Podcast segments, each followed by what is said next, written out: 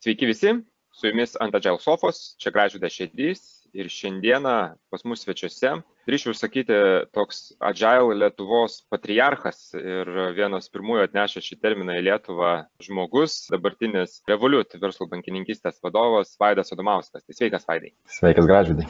Labai malonu, kad sutikai skiriai laiko šiandieną mums pasikalbėti. Šiandien su Vaidu iš tikrųjų norim paliesti tokią temą, kuri dažnai būna toksai dramblys kambaryje nesutariam dažnai tarpusavyje kompanijose, kas tai yra ir kaip tas turi būti vystoma, tai yra verslo džiliškumas arba business agility angliškai vadinama, ar ne? Galbūt būtų labai įdomu panagrinėti, kaip tu, Vaidai, supranti tą verslo džiliškumą, nuo ko jis atsiranda ir kuo jis skiriasi nuo to mūsų klasikinio džiaus suvokimo. Tai kas tau yra tas verslo džiliškumas? Tai kaip ir minėjai, apie džalą pradėjom kalbėti dešimt metų daugiau jau dabar ir nuo pat pradžių šiek tiek buvom susifokusavę, kaip mums kurti tas tarfunkcinės komandas, ne, kaip skrameistro rolę gerai atlikti, produkto šeimininko rolė buvo tam pačiam skrame nuo pat pradžių, bet net ir patys autoriai ir antroji ir dabartiniai versijų aiškiai pabrėžė ir dažnai pasakė, kad pradžioj jie neskyrė pakankamai dėmesio jai. Rodė, kad sutaisykime taip, kaip dirbam ir čia yra esmė. Bet tiek mano patirtimi eina e, konsultuojant, kalbant su kitom įmonėm, tiek Lietuvoje buvau, tiek dabar Anglijoje, kai esu išvažiavęs, labai aiškiai matosi, kad didžiausią vertę galima verslui sukurti, kai pradedi kalbėti, ką mes darom. Ir e, tada fokusuotis į tą produkt ownerio rolę ir susitarimą, kas kuria iš esmės tą vertę. Kaip jau susitarsim, jau pakankamai gerai išmokom. Tai verslo tas judrumas ar business agility man tai yra verslo vertės kūrimas prieaugiais ar inkrementais. E, angliškai būtų incremental delivery of business value. Kaip mes ypač didesnėje organizacijoje galim susitarti, kas yra mūsų įmonės prioritetai, kaip mes tos prioritetus galim išskaldyti mažais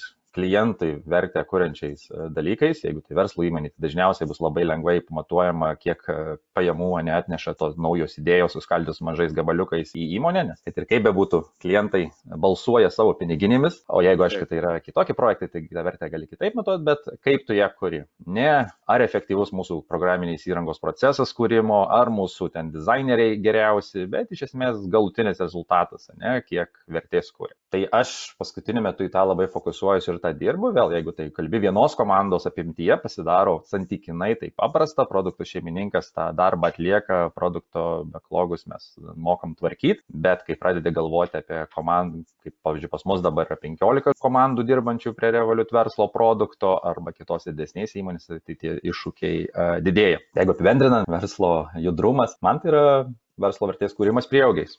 Supratau, bet e, tai jau iš savęs pasako, kad mes kalbam nebe tik e, kaip anksčiau klasikiniu būdu suvokiama, kad tai yra tas kūrimo procesas pats. Mes kalbame apie viso verslo sutarimą, inkrementais e, ar ne, leisti. Tai ne tik IT komandų, tai jau turi atsirasti ir visų kitų papildančių funkcijų kompanijoje sutarimas taip pat dirbti nuo turbūt žmogiškų išteklių iki finansų, iki ko tik tai gali prireikti. Ar teisingai? Tai labai teisingai ir didžiausias iššūkis, ką manau dabar yra išlipti iš technologijos ar IT ir įmonės, kurios pagaliau supranta, kad IT nėra kaštų centras, o mes kartu turim sukurti vertės kūrimo centrus. Tai čia didžiausias dabar iššūkis. Tai tarkim, dalis dar mano rolės su Agile Coach coach mūsų konsultacijos įmonės Lietuvoje įkūrėjas ir vadovas ir su konsultantais dirbam su keliom ir didelėm netgi labai Lietuvos finansinėm įstaigom. Ne? Tai kuo didesnė įmonė, tai išlipti tuo yra sunkiau. Kaip sutarti, kad mūsų tos produkto darbų sąrašus, backlogus ar įmonės viziją mes kuriam tarp funkciškai, įtraukiant verslą, IT aptarnavimą, legal ir compliance, jeigu reikia netgi reguliuojamos industrijose. Ir atsispiriam nuo to, o ne pradedam keturiuose lygiuose žemiau, kai jau kažkokie darbai ateina į tik tai IT skyrių ir mes juos ten suoptimizuosim. Tai vėl, tarkim, pavyzdžiais, ne, tai tam pačiam vat, Revoliutė pas mus, ne, mes turim labai tarp funkcinės komandas, kur produkto šeimininkas yra daug platesnė roliai negu kad Scrum apibriešta. Tai yra toks kaip mažas CEO, sakykime, ne, kuris uh, turi savo tarp funkcinę komandą, kurioje nuo standartiškai programuotojų, backendo, frontendo, dizainerio, produkto analitiko gali būti ir verslo žmogus, ir operacijų vadovas, ir netgi marketingo žmogus, jeigu reikia. Ir jam toj rolėje ne kurti tą verslo judrumą ir dar susiderinti su kitais. Bet čia aišku, iš tų kyla labai daug iššūkių, nes tada rolė pasidaro produktų šeimininko labai sudėtinga ir mes ir taip žinom, kad produkto šeimininko rolė yra tikrai dar labai sudėtinga ir mažai apie ją kalbam, o kai dar užkrauni papildomų atsakomybių, tai vėl kila klausimas, ar vienas žmogus iš tikrųjų gali tiek patemti, nes, nu, kas, kas buvo įmonės vadovai, žino, kad tai ypač ten jaunos augančios, tai tikrai yra nemažas iššūkis. Taip, bet iš kur tas turi būti visgi inicijuojama tada, ar ne? Ar tai turi būti, na, vadovų sugalvotas dalykas, kad mes imamės tokios strategijos ir skatinam tą verslo judrumą, verslo džiliškumą, ar visgi na tai turi organiškai užaugti iš tų klasikinių IT komandų, agile ar ne, ir kaip iki šiol galbūt viskas buvo įprasta, kad augo, kaip tu matytum šitą dalį.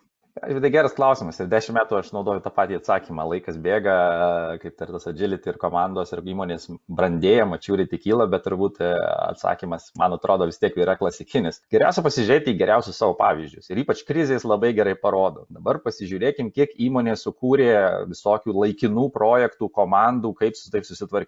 Ir tu ras man bent vieną komandą, kur yra tik aitišnikai arba tik paslaugų žmonės. Ne? Visos krizių valdymo komandos, kokios bebūtų, iš karto yra tarp funkcinės dažniausiai yra top leadershipas, kuris jas drivina bent vienas vadovas, tada surinkama iš skirtingų sričių žmonės ir jie ten tada pasidaro kas savaitinį minimum mytą ne, ir tu per jį krančinį. Ir tada rezultatė kažką pasiekia. Tai mano pasiūlymas labai paprastas, pasižiūrėkite į bet kokią krizę ir dabar per COVID turbūt tikrai pavyzdžių nereiks toli ieškoti, jau turbūt kiekvieno įmonėje surasim kažką darėm kitaip negu kad iki kovo praeitų metų ir tą praktiką bandyti pritaikyti kasdienai. Jeigu jinai veikia krizės metu, Ne, jeigu sudėjom tarp funkcinės komandas ir susitarėm dėl kažkokio tikslo ir bandėm pasiekti, kaip tą pačią idėją pritaikyti kasdieniai normalioj, ne gaisrų gesinimo veikloje. Ir tada pasidaro labai gera diskusija, kai mes nueinu į įmonę ir sako, tai gal čia neveiks, neefektyvu, tai sakau, tai vėl buvo prieita krizė, kodėl taip darė tada. Nu, neimsi neefektyvaus metodo pačiam krizės momente valdyti, ne? Nu, mhm. nelogiška. Nu, tada pradeda visi mąstyti jo ir pasižiūri, kad su ta komanda, kurią subūrė laikinai dažniausiai, ne, jinai buvo labai tarp funkciniai, orientuoti ir labai konkretų problemą įmonės ir gan kritinį išspręsti, jie tikrai buvo labai tiek greitai, tiek efektyviai, o svarbiausia, jeigu matuojant time to market, kas dabar versle yra pagrindiniai realiausi currency, kaip aš sakau, kuo tu greičiau gerą produktą paduosi rinkai, tuo daugiau laimėsi. Net jeigu tau jį sukurtų užtruko du kartus brangiau negu konkurentui, dažniausiai dėl to, kad tu išėjai su tuo produktu į rinką trim mėnesiais metais anksčiau, tu atidirbsi tą savo kainą, nes kaina relatyviai sukūriamos vertės laikai yra žymiai mažesnė. Tai vat, atsakymas tau būtų pasiūlyti visiems pasižiūrėti į krizių valdymo įmonėje projektus, ir pagalvot, kodėl iš tikrųjų mes natūraliai, instinktyviai naudojom tai, ką apie agile visos praktikos sako, reikėtų padaryti standartiniu procesu ir tiesiog taip pat gyventi.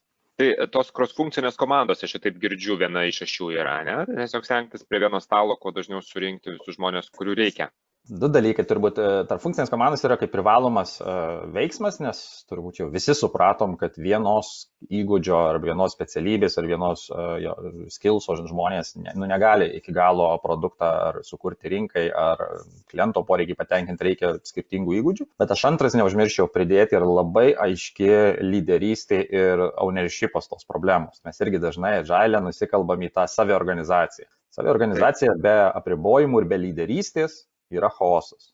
Tai mes labai dažnai, aš irgi, kas man šiek tiek skauda žiūrint istoriškai, labai dažnai uždedam tą agile žodį ant chaoso, kadangi neturim procesų, tai vadinam jį agile. Tai čia irgi aš tikrai mačiau tarp funkcinių komandų, kurios susibėga, ypač jeigu ne, nėra išreikštinai išreikštas vadovas, nes ypač surenkame, jeigu skirtingus ryčių žmonės, tai jie turi savo interesus. Ir jeigu nėra aiškiai paskiriamas, kas yra šitos grupės komandos lyderis ir ultimate decision makeris, ir jis net turi autorystės surinkti sprendimus, irgi kaip ir griūva viskas. Tai tarp funkciniai įgūdžiai labai svarbu, bet antra labai aiškiai išreikšta lyderystė ir galutinis žodis. Vėl yra skirtingos kultūros, gyvenau Švedijoje, ten labai daug kas konsensuso būdu prieimama, tarkim, ne, rytų Europoje mes labiau tą išreikštą lyderystę turim, bet vėl, jeigu tu nori greičio, tai, kaip sako, va, ir ką tik baigiau skaityti Obamos knygą, jo irgi buvo labai puikus tas pats patarimas. Išklausai visus aplinkui stalą, bet galutinį sprendimą turi tu pats ir tu už tai prisėmė atsakomybę kaip vadovas. Ir jeigu toks yra vadovas, tada su skirtingų įdžių komanda labai daug pasieksi. E, jeigu, aišku, vadovas arba neturi autoriteto, arba bijo priimti kai kurios sprendimus, nes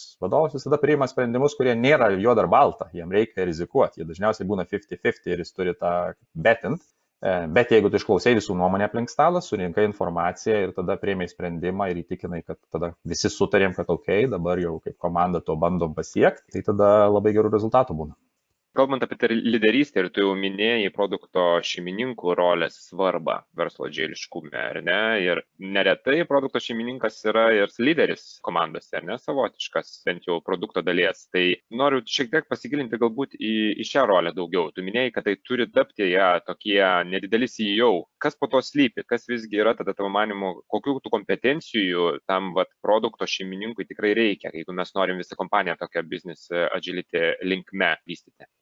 Tai man atrodo, čia kitam dešimtmetyje iš tikrųjų mes labai daug kalbėsim apie produkto šeimininko rolę, kuo tai skiriasi nuo produkto vadovo, to produkt menedžerius tradicinės rolėse, ne, ir netgi vadovo ar ten skyriaus vadovo rolės tradicinėse organizacijose, nes tikrai dar tie klausimai nėra atsakyti. Skramgidas, aš sakyčiau, tai paviršiuje praskrečino, pakrapštė, bet dar tikrai uh, ypač, vėl, jeigu kalbam apie komandą, kur yra daugiau arba įmonė daugiau negu 10 žmonių, tai tie klausimai ne, neatsakyti ir visi lesai, seifai, fail frameworkai bando tai išspręsti spręsti. Bet atsakant ir į tavo klausimą, tai uh, teisingai, ta prasme, aš manau, ta rolė tikrai auks ir brandės. Aš dabar matau labai daug, nu, aš taip vadinu juos šiek tiek uh, advanced business analitikais, mes žinojom, kas yra business analitikas ir verslo analitikas, tai juos pavadinom produkto šeimininkais, nu, nes jie kalbėdavo su klientais ir dėl to dabar tu esi produkto šeimininkas. Ir labai daug, nu, yra daug nuvertinimo, ne, ypač kai skaitai aprašymus, didžiausia produkto šeimininko darbas arba netgi, ten, nežinau, produkto direktorius arba VP of product ir valdyti backlogą. Na, aš kai paskaitau, kad man reikia valdyti backlogą, tai čia tas pats, kas, nežinau, kosmoso astronautai sakyti, kad tau reikia mokėti valdyti, ten, nežinau, raketą, žinai. Nors tu, nevai, tu nevairuotojas samdai, tu samdai daug daugiau kompetencijų ir ten vairavimas yra viena, viena mažytė labai dalis iš jų. Tai, tai, vat, kai, tai tikrai yra tiesiog dabar šiuo metu labai dažnai, vėl ne visur, bet labai dažnai tai daugiau toks administratorius, o ne iš tikrųjų verslo suvokėjas, sprendimų prieimėjas, sugebantis suderinti, kaip ir pats pradžioje minėjai, išlipant iš IT, tai yra tikruosius verslo poreikius, įtraukiant dažniausiai paslaugų aptarnavimą, nes visus reikia, kaip tavo produktas bus palaikomas po to, kas jį pardavinės, kas jį augins, tos growth, marketingo komandos, ne? Taip pat e, kaip išlipsim ir suderinsim šitus skyrius, tai čia bus, man atrodo, ateities dalykai. Ir šiandieną, kuris produkt owneris išlipa iš savo tos tradicinės apibrieštos rolės ir ne tik dirba komandos viduje, ne tik sudėliojęs backlogą, bet įtraukia stakeholderius, daro pristatymus, ten, nežinau, savo vadovams, bordui, vizualizuoja įmonės vertę, tapsime, jau kuriamą arba net ką galėtų sukurti ir įtraukia kitus žmonės, tai laimi ir tie tikrai specialistai auks ir bus labai vertinami rinkoje, nes labai labai sunku rasti kokia tavo nuomonė apie, kai kompanijose mes stengiamės įdėkti tas abi rolės, tai produkt ownerio, produkto šeimininko ir to produkt managerio, ar ne, produkto vadovo. Pakankamai daug kompanijų dar taip dirba ir didelių ir žinomų kompanijų, aš manau, kad tas pats Google'as, jeigu neklystų, jie, jie šitą modelį naudoja, kad jie naudoja ir produkt owners, ir produkt managerius tavo manimu. Tai visgi dvi rolės, ar tai turi e, ilgainiui susiniveliuoti į vieną, va, tokį daugiau atsakomybę turinti žmogų, būtent produkt ownerį, na, kaip mes jį be pavadinsim, kaip tu matytum šitą dalį?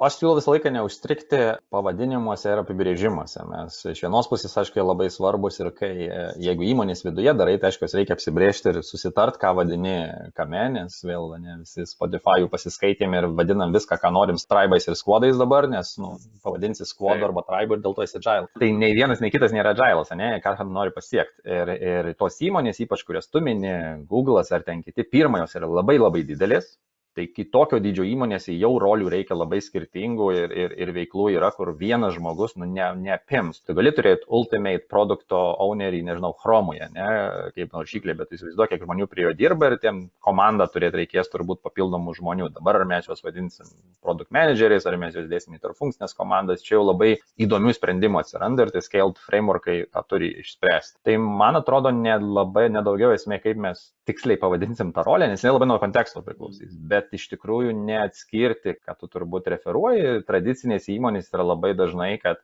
produkto managemento skyrius kalba su klientais, brėžia didelius roadmapus, tada ketvirtiniuose mytuose ateina pas IT, kažką susiplanuoja ir išeina. Tai va tas neveikia, tas labai ilgina vertės sukūrimo laiką ir tos įmonės labai pralošia uh, toms įmonėms, kurios sujungia šitus du į vieną. Tai vėl, na tarkim, vėl, tam, kodėl revoliutas šiek tiek greitesnis negu rinka, tai struktūriškai labai daug dalykų yra tarp funkcinių ir produktas yra driveris šito produkto šeimininkai, aš kaip produkto vadovas, aš esu daug decision makeris, o tada kiti jau suborganizuojasi tau, supportas, visi kiti. Nes, nu, produkto žmonės ultimately galvoja apie kliento patirtį, vertę kūriamą. Tai va tą tikrai turės keistis ir daugelis įmonių turės daryti tas vadinamas transformacijas, ne pakeisti organizacinės struktūras, kad šitus dalykus išspręs. Bet ar visiškai dinksta rolė, ypač desnės organizacijos? Turbūt ne, bet aš tada klausiau, va, tas Chief Product Owneris, kas yra to Ultimate Product Decision Makeris, kaip jisai toliau organizuoja savo komandas, skirtingus skillsus.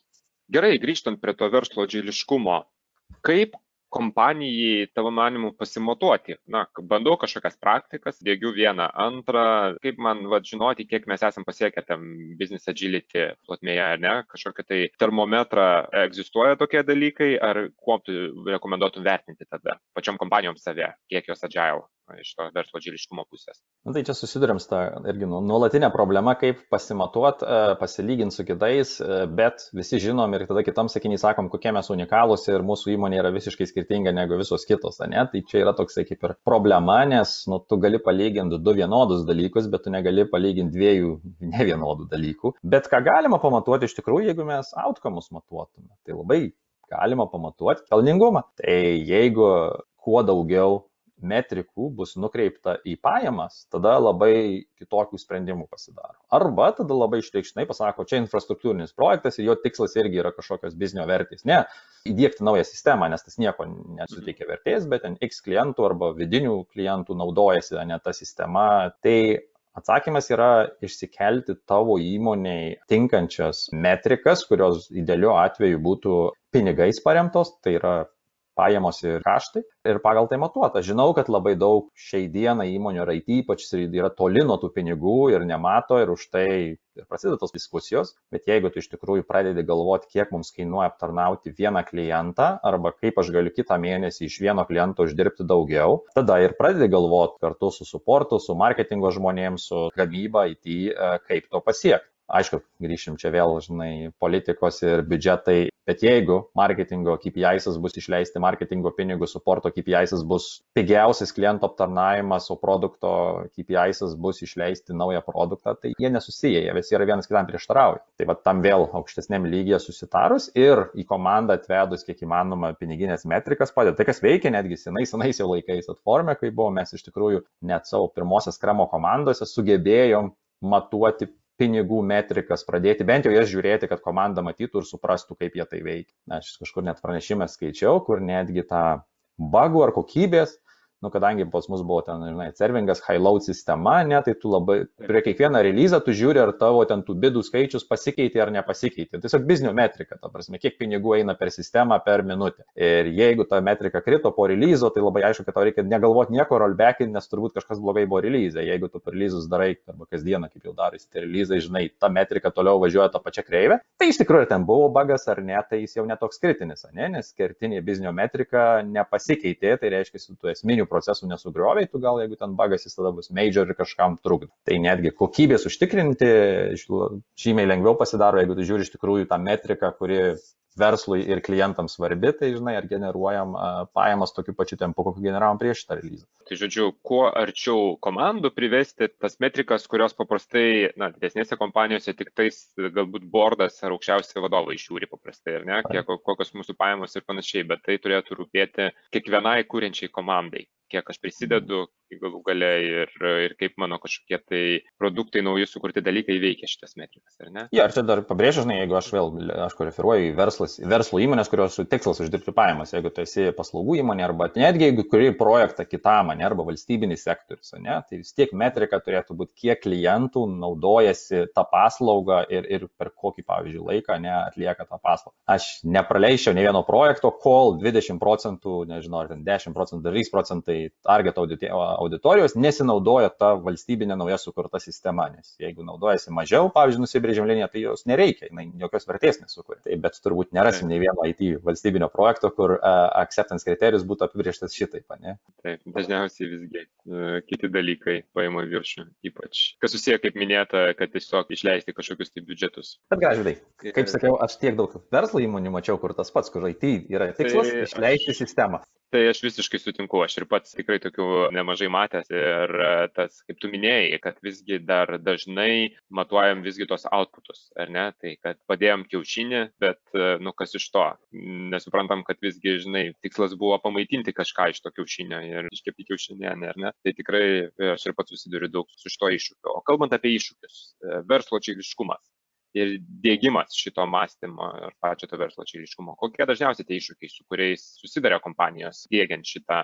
Viena vertus, galbūt naujos kompanijos vienus iššūkius turi, kaip revoliutos, kuris auga pakankamai organiškai iš savęs nuo tokio modernaus mąstymo, ar ne? Kita vertus yra na, klasikinės senos finansinio sektoriaus, galbūt kompanijos, bankai, didelės, sudėtingos, ilgą istoriją turinčios. Tai kokiais iššūkiais galbūt vienos ir kitos susiduria kompanijos?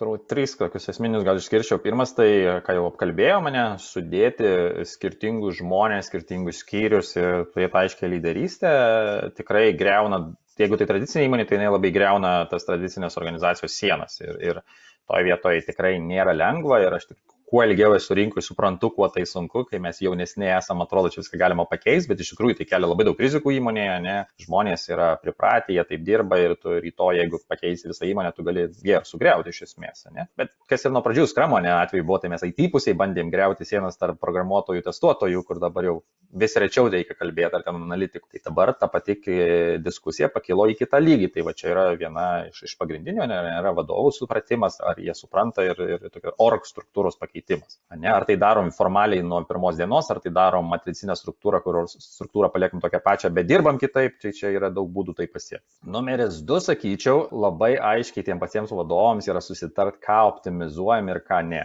Nes istoriškai čia vėl a, visi apribojimų teorijos ar visi kiti sako, žinai, susidark metrikas. Jeigu tu optimizuoji time to market, tai tavo unit economics kris. Ir jeigu tu vienu metu bandysi optimizuoti, pavyzdžiui, kaštus paslaugų aptarnavimo savo skyriuje ir vienu metu optimizuoti, kad tavo programuotojai būtų efektyvesni ir tada pasiekti time to market, tai iš tikrųjų tu, nu, jos yra prieštaraujančios metrikos. Kai yra krizė, kai tu nori staigiai sutvarkyti, tu nori greitai išspręsti krizę, bet tas sprendimas nu, nebus pigiausias, bet kaip kalbėjom, matuoti reikia ROI, koks atsipirkiamumas per, tarkim, ateinančius metus, ar du metai, ar koks tavo ten tas periodas, o ne ar pigiausiai šitą problemą išsprendėm. Tai va šitoje vietoje metrikos, pirmą susitarti, ką matuojam ir tada išreikštinai susitart, o ką suprantam, kad nebe tas antros dalies nesusitarimas. Iš inercijos tada vis tiek visos kitos metrikos eis optimizuoti unit economics, optimizuoti programavimo skyrių, optimizuoti supporto skyrių, optimizuoti kiekvieną žmogų atskirai, kur prieštaraus pagrindiniai metrikai. Ir trečia, turbūt nemažiausiai svarbu, gal net ir labiausiai, mes darom prielaidą, ypač agile specialistai, kad oi, jau va čia visi vadovai blogi, jie nesupranta ir jie negali. Kai tik tai vadovai tai pakeičia, tada tie visi, kurie skundėsi, iš tikrųjų labai nori tos autonomijos, dirbti ar funkcinėse komandose, bet realiai dėl to, kad niekada taip nedarė ir, ir tai yra visiškai kitas įgūdis, atsakomybės prisimti rezultatus nenori. Ne, aš jeigu dabar grįšiu pas tą pačią savo IT komandą ir pasakysiu, pradėkime matuoti verslo metrikas ir matyti pinigus, visi bus wow, jo, faina, nes nu įdomu. Ir tada pasakysi, gerai, ir tavo bonusai bus pririšti prie tos pinigų metrikos, sakysi, ne, ne, ne, ne, ne, taigi aš ne, negaliu jos įtakoti, žinai. Labai noriu, bet neprisimu jokios atsakomybės. Tai va šitoje vietoje tiesiog užbaigiant, žinai, kaip kaip dirbti su komandomis, kad jos suprastų, kad labai pasikeičia ir jie privalo prisimti tam tikrą atsakomybę ir dirbti su jom, kad nu, jos tikrai nebūtų nubaustos, kai dar negali pakeisti ir panašiai, čia yra sunkioji dalis.